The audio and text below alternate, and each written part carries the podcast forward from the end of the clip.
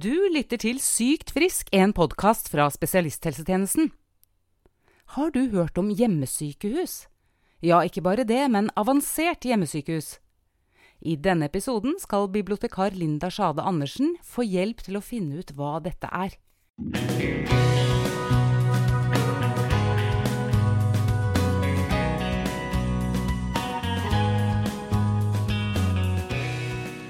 Hva er avansert hjemmesykehus? Hvordan er det å være pasient i avansert hjemmesykehus? Og hvordan gjennomføres det, og kan alle få dette tilbudet, eller er det spesielle krav som må oppfylles?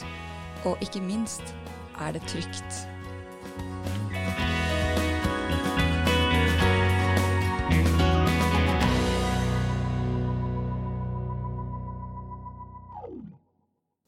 Jeg trodde ikke sånt var mulig, og i hvert fall ikke i en så dårlig forfatning som jeg var i.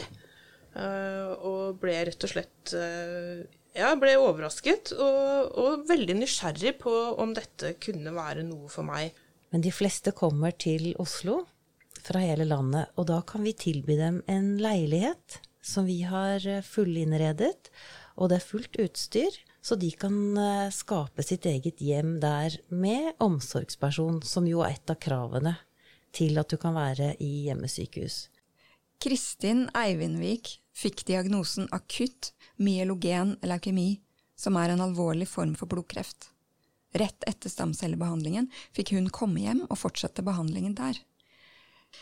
Kristin Lien Selvåg er utdannet kiropraktor og har jobbet ved forskjellige helseinstitusjoner. Hun er ansatt ved OUS Rikshospitalet for å videreutvikle avansert hjemmesykehus i leilighet. Kristin E., du er pasienten. Hva skjedde da du ble syk? Jeg fikk virkelig sjokk. Eh, Det gikk så fort, og jeg klarte ikke å ta det helt innover meg. Eh, Da jeg kom til Rikshospitalet, ble behandlingen raskt satt i gang, og jeg ble liggende syv uker der. Immunforsvaret mitt det ble etter hvert helt slått ut, og hverdagen ble derfor helt annerledes og basert på det å overleve, rett og slett. Lukt- og smakssans ble endret, og det ble etter hvert vanskelig for meg å få i meg nok næring og bevege meg eh, eller å gå, fordi jeg var veldig sliten. Du lå på sykehus i syv uker, og du fikk cellegift. Og så, etter denne ventetiden, fikk du stamceller. Stamcelletransplantasjon. Ja. Ja. Vil du si litt om det? Ja, Um, jeg fikk stamcelletransplantasjon. Og det arter seg slik at uh, om du ikke har nære slektninger som kan uh, gi disse stamcellene, så må du ha en ekstern donor. Og det måtte da jeg. Og det er gjennom en database med informasjon om donorer gjennom, eh, fra hele verden, rett og slett, så fant jeg en match som passet veldig flott for meg. Og vedkommende ble da kontaktet, og eh, kunne da høste disse stamcellene sine. De ble da fraktet med kurer, antageligvis fra utlandet, for jeg vet ikke hvem denne donoren er. Jeg vet bare eh, alder og kjønn. Eh, Det kom med egen kurer som har båret dem inn og ut av fly og flyplasser, og helt fram til resepsjonen på sykehuset på avdeling for blodsykdommer. Og da var vi klar eh, for transplantasjon. Og det ble liksom feiret ved at jeg rett og slett fikk et flagg på nattbordet som eh, indikerte da bursdagen for eh, mitt nye immunsystem. Wow. Og så, allerede dagen etter den, den store dagen, så fikk du et spørsmål som kanskje var litt overraskende for deg, eller? Eh, Det spørsmålet hadde jeg faktisk fått tidligere, sånn at jeg var veldig forberedt på hva som skulle komme. Ja. Men dagen etter stamcelletransplantasjon så fikk du Mulighet. til å komme hjem og fortsette behandlinga der. Ja. Rett og slett. Eh, Jeg fikk eh, høre om dette som heter avansert hjemmesykehus litt tidligere i forløpet. Jeg hadde aldri hørt om det før.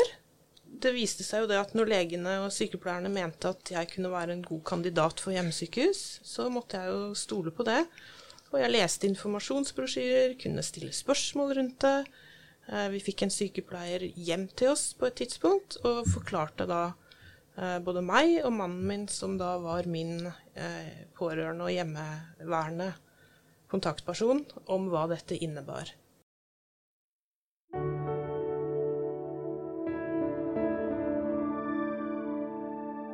Kristin Lien Selvåg, du jobber jo i avansert hjemmesykehus. Kunne du si litt mer om eh, krav til pasientene, og hvordan kan alle ha denne behandlingen hjemme? Hvordan funker det? Ja, avansert hjemmesykehus er jo et eh, spennende behandlingstilbud til pasientene våre. Og det betyr at de vil få medisinsk oppfølging hjemme de neste ukene og helt frem til den polikliniske behandlingen. Og dersom pasientene bor mindre enn én time fra Rikshospitalet, så kan de være i sitt eget hjem.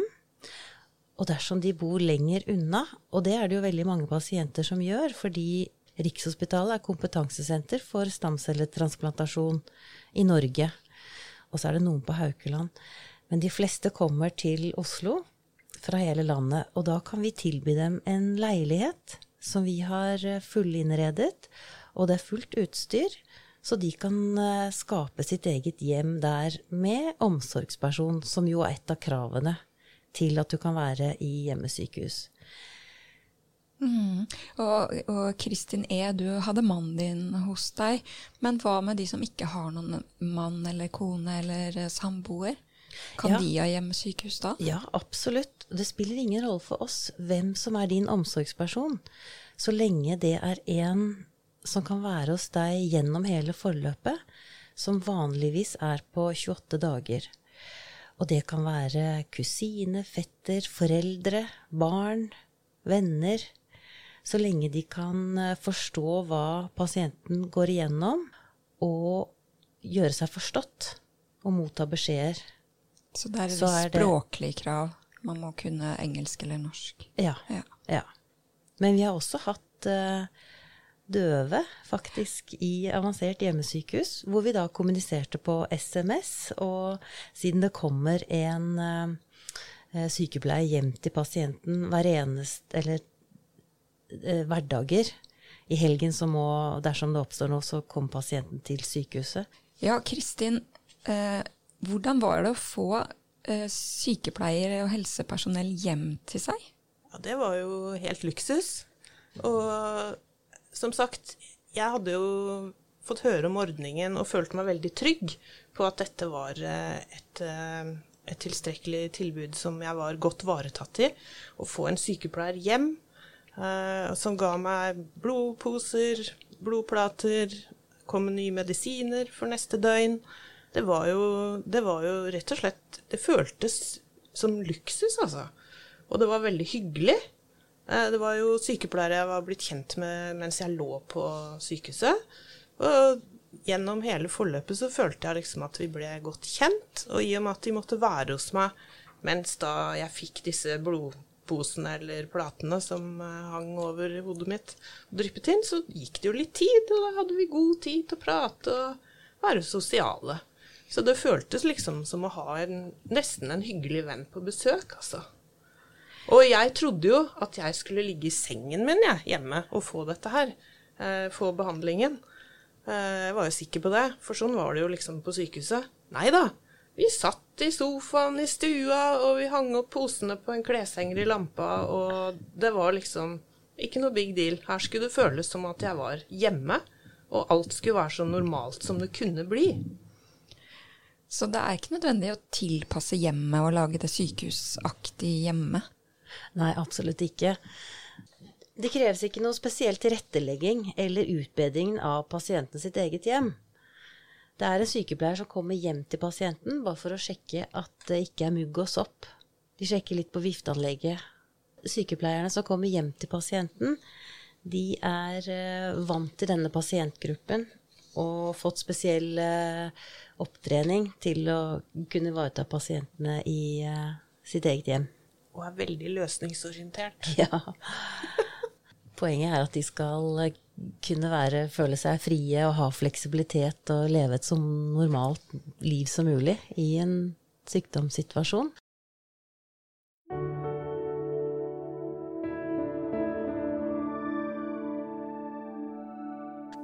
Hvor lenge har vi har dere hatt et tilbud med hjemmesykehus? Vi startet med et pilotprosjekt i 2019. Og nå vil vi si at dette er en, en driftsform som er etablert, rett og slett. Det har vært veldig vellykket. Og samtlige pasienter er eh, fornøyde, og omsorgspersonene er også veldig fornøyde. For de kan være sammen og ha et eh, tilnærmet normalt dagligliv. Og følge sine daglige rutiner. Og derfor blir overgangen ut av sykehuset til et eh, normalt liv blir så mye mindre.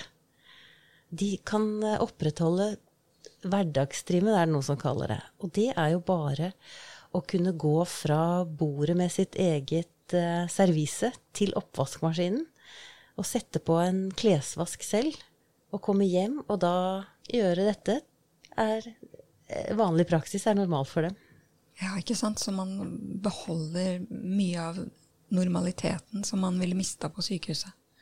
Ja, også samlivet opprettholdes dersom man har eh, en ektefelle som kan være omsorgsperson.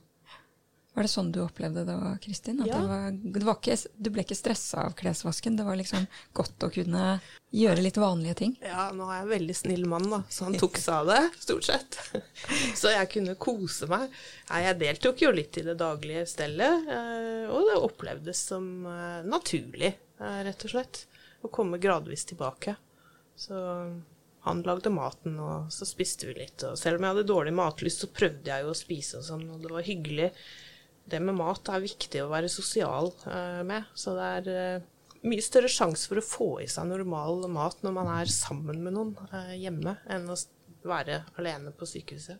Og så kan du velge litt. Ja, utvalget er noe helt annet. Hvor mange pasienter har hatt hjemmesykehus siden dere starta? Har du tall på det? Ja, vi har hatt eh, 31 personer i leilighetene. Og så har vi hatt omtrent det samme hjemme, i sin egen bolig. Og de som har leilighet, er de like fornøyd? Ja, de er kjempefornøyd. Og kanskje spesielt fornøyd, for det krever en annen planlegging hvis du kommer fra Alta og skal gjennom samme behandling som Kristin har hatt. Og hvis du har familie og skal være borte 28 dager, da, eller pluss, for du skal jo poliklinisk behandling et par uker etterpå, og kanskje du har ligget inne litt før, så det går jo fort et par måneder. Å være så lenge borte fra familien, det kan være økonomisk spørsmål som gjør at ikke du kan ha med hele familien, og nå i covid-tiden har det jo vært vanskelig å besøke på sykehus. Å kunne få tildelt å bo i en leilighet med familien og kanskje barn, er jo helt fantastisk. Og det er jo det de sier. De syns at dette er et uh, flott tilbud. Ja, for da kan de få besøk der de er, der de bor når de får behandling. Også, Det kan de. de kan, ja, eksterne kan komme, men jeg tenker også at familiene Familien kan, kan være samlet og bo. Ja. og bo sammen i leiligheten der, og det kan de jo ikke i en sykehussituasjon. Så vi hadde et, eh, en familie med et barn på tre år som da kunne være sammen. Og for mamma som er syk, men allikevel være sammen med barnet, og ikke minst at barnet kan få være sammen med begge foreldrene i så lang tid, det er veldig viktig. Ja, i den alderen hvor de er så små. Mm. Ja.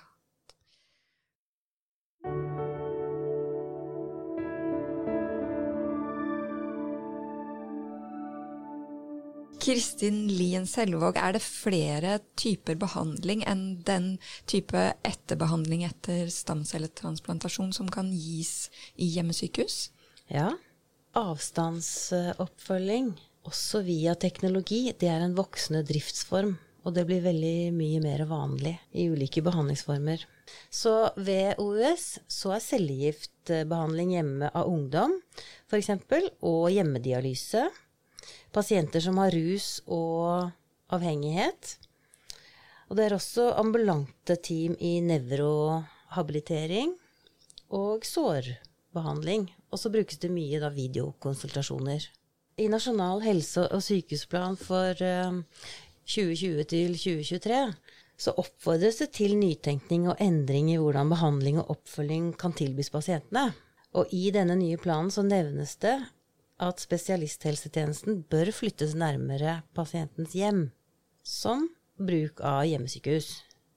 Er det helt trygt å, å være på sykehus hjemme? Ja, og vi kan vise til erfaring fra både Sverige og Spania, som har drevet med dette her i flere år. at dette er trygt. Like trygt som å være på sykehus.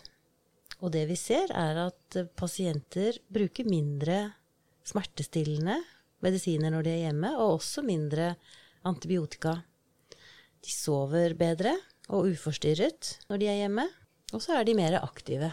De står opp om morgenen og kommer i gang med hverdagen, lager seg egne rutiner. Pasientene opplever også bedre livskvalitet når de er hjemme, og de føler at de tar ansvar for egen helse. Og så er det jo kostnadseffektivt.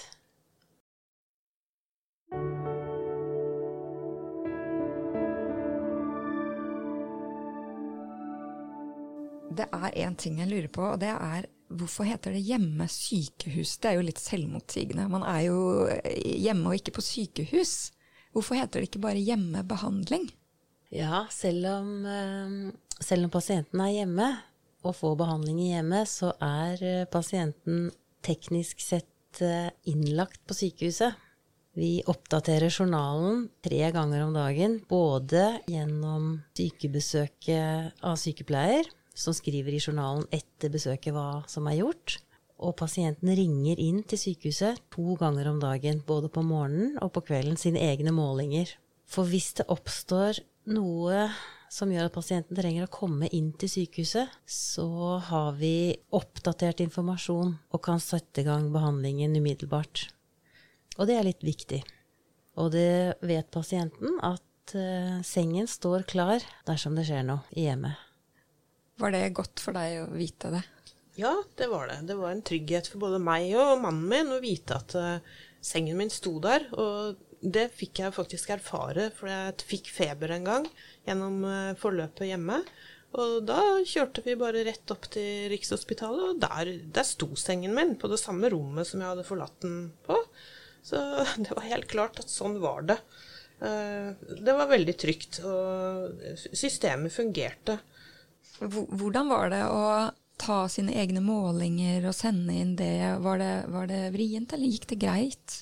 Jeg hadde fått god opplæring i hvilke type måleinstrumenter som skulle brukes. Jeg hadde jo sett det gjennom flere uker mens jeg lå innlagt også. Her fikk jeg da hjemmeversjonen av blodtrykksmåler og temperaturmåleren kjente jo fra før, og pulsoksymeter. Og vekt hadde jeg jo, så det var liksom fire, fire saker som skulle måles morgen og kveld. Eh, og da ringte jeg bare inn på et spesielt telefonnummer til sykehuset, og de tok imot verdiene og loggførte i journalen min. Så det var eh, helt ukomplisert. Og du følte deg like godt ivaretatt hjemme som du ville vært på sykehuset? Absolutt. Fordi vi hadde disse faste rutinene. At klokken åtte skulle jeg ringe inn om morgenen. Da kom jeg meg jo også opp om morgenen og, og kom i gang. Og det samme at jeg ringte inn verdiene mine på kvelden før jeg la meg.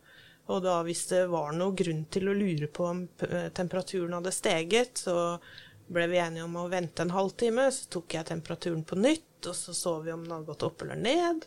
Og konkluderte om jeg da enten måtte opp på sykehuset eller kunne bli hjemme og vente til neste dag. Så vi lagrer pasientens telefonnummer, så vi vet hvem som ringer. Altså hvis, hvis, noen har blitt så dårlig at de ikke greier, og hvis det er noe akutt at de ikke greier å gjøre helt rede for seg, så vet dere hvem det er og kan reagere med en gang. Jo, men da har vi også omsorgspersonen. Ja. Da kommer den rollen inn. Ja. For det er jo de som skal ta Hvis ikke pasienten kan gjøre rede for seg hjemme, så det er et, eh, et varseltegn om at eh, pasienten må tilbake på sykehuset. Men det betyr at omsorgspersonen må være der 24 timer i døgnet? Ja. Ja. De må være til stede hele tiden. De kan godt uh, gå ut uh, for å handle og gjøre små ærend, men de kan ikke være borte noe mer enn 40 minutters tid. Så vi oppfordrer jo når sykepleier kommer hjem til pasienten, at de kan uh, gå ut og ha sin egen tid. Gå en tur, trene eller gjøre et eller annet som, som er fritid for dem, da.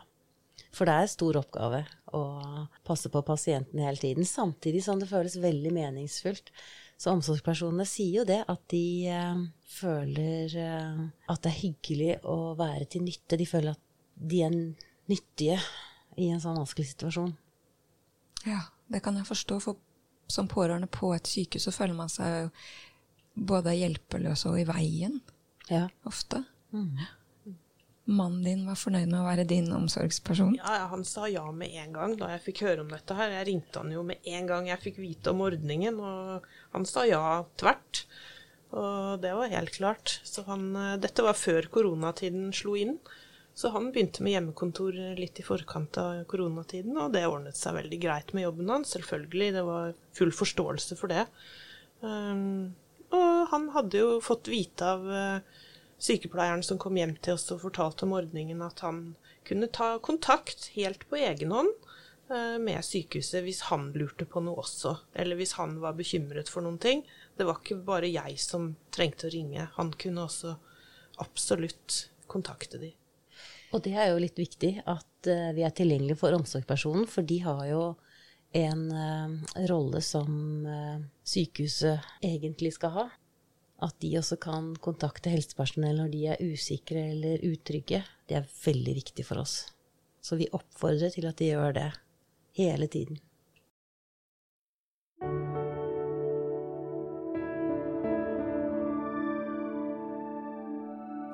Kristin, jeg har hørt at du blei overraskende kjapt frisk, eller bedre, at immunsystemet ditt det tok seg kjapt opp?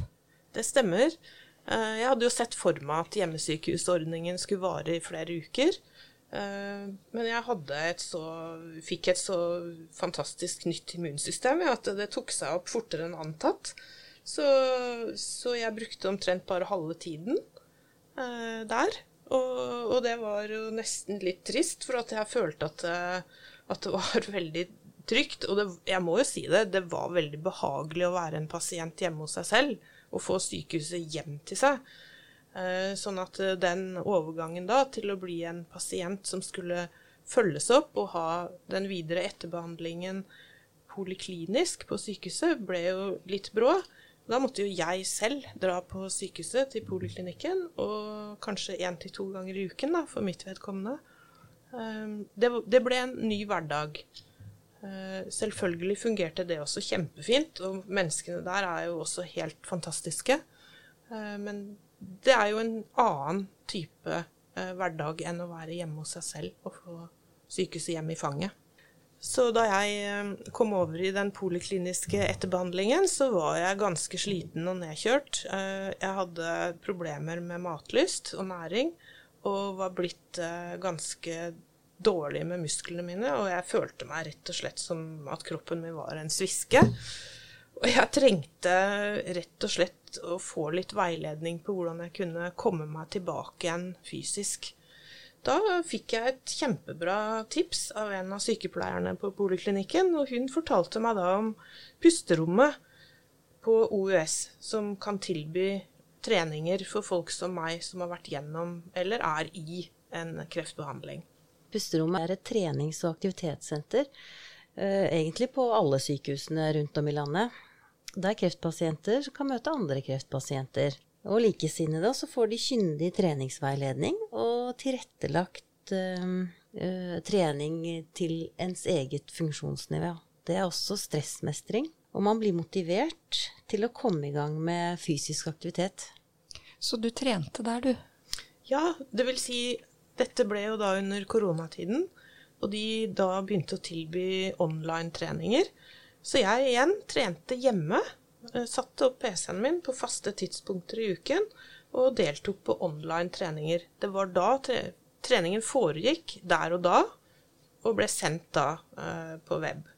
Eh, og jeg plottet det inn i kalenderen min, to faste timer i uken, og, og, deltok. Det føltes på en måte forpliktende å ha satt seg det som et mål at det var to faste timer i uken. Og, og, da følte jeg liksom at det skulle jeg gjøre. Og jeg kom meg fantastisk av det, altså. Det var, eh, og det er tilrettelagt, og de sier at de som har sånne og sånne plager, skal ta det litt roligere og sånn og sånn. Så det er godt uh, veiledet og helt trygt. Og, og, flott, altså. Og yoga har de også, som jeg deltok på innimellom. Kjempebra. Så fra hjemmesykehus til hjemmetreningssenter, rett og slett. Mm. Det er jo en fantastisk historie. Ja henvisning til pusterommet det kan pasientene få via fastlegen sin eller eh, via sykehuset. Så alt i alt så er du eh, Det høres ut som du er fornøyd. Jeg er veldig fornøyd. Eh, Jeg er jo fantastisk takknemlig for alt jeg har fått eh, i denne tøffe tiden. Eh, Og at jeg har kommet meg så bra gjennom det. Og har fått oppfølginger av ulike slag da, gjennom både det å være på sykehuset og få sykehushjem og trening og alle, alle de flotte menneskene som jobber i dette systemet. De fortjener virkelig en, en stor takk, altså. For det de ivaretar det medisinske, det er på en måte Det tar man som en selvfølge, men de er også utrolig bra på det menneskelige plan. Det teller ikke mindre, altså. Eh, Når man er der og føler seg veldig alene som pasient. At det er noen som har det aspektet i jobben sin og utfører det så bra.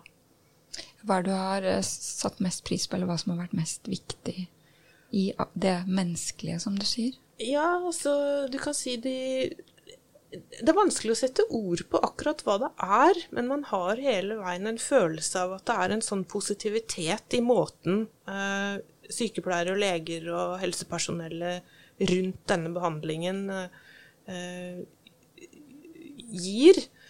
Eh, og du Jeg følte da at eh, de ville meg virkelig det beste hele tiden. Jeg følte også det var veldig naturlig å snakke med dem, stille spørsmål. Eh, De har jo masse erfaring, ikke sant, og, og, og var til rådighet, ikke minst. Så hvis vi skal oppsummere da, hva vi har snakka om nå, hva er det viktigste? Det er at hjemmesykehus er trygt og en veldig fin måte å få behandling for alvorlig sykdom på. Det trenger ingen spesielle tilrettelegginger av hjemmet. Og man kan få en leilighet hvis man bor lenger unna. Og man må ha en omsorgsperson, men det trenger ikke å være ektefelle. Det kan være en kusine eller en venn eller en annen som kan stille opp for deg. Og det er en veldig givende oppgave å ha.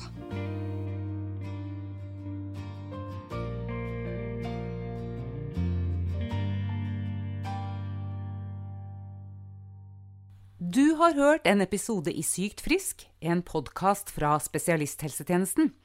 Episoden har handlet om avansert hjemmesykehus, og du møtte Kristin Eivindvik og Kristin Lien Selvåg i samtale med bibliotekar ved Oslo universitetssykehus, Linda Sjade Andersen. Det er Geir Kjønfjord, lege, professor og leder for avdeling for blodsykdommer ved Rikshospitalet, og Grete Solvang, seksjonsleder ved samme avdeling, som er initiativtakere til prosjektet Avansert hjemmesykehus i Oslo universitetssykehus. Det er også Geir Kjønfjord som er medisinsk ansvarlig for denne episoden. Du kan lese mer om avansert hjemmesykehus på syktfrisk.no.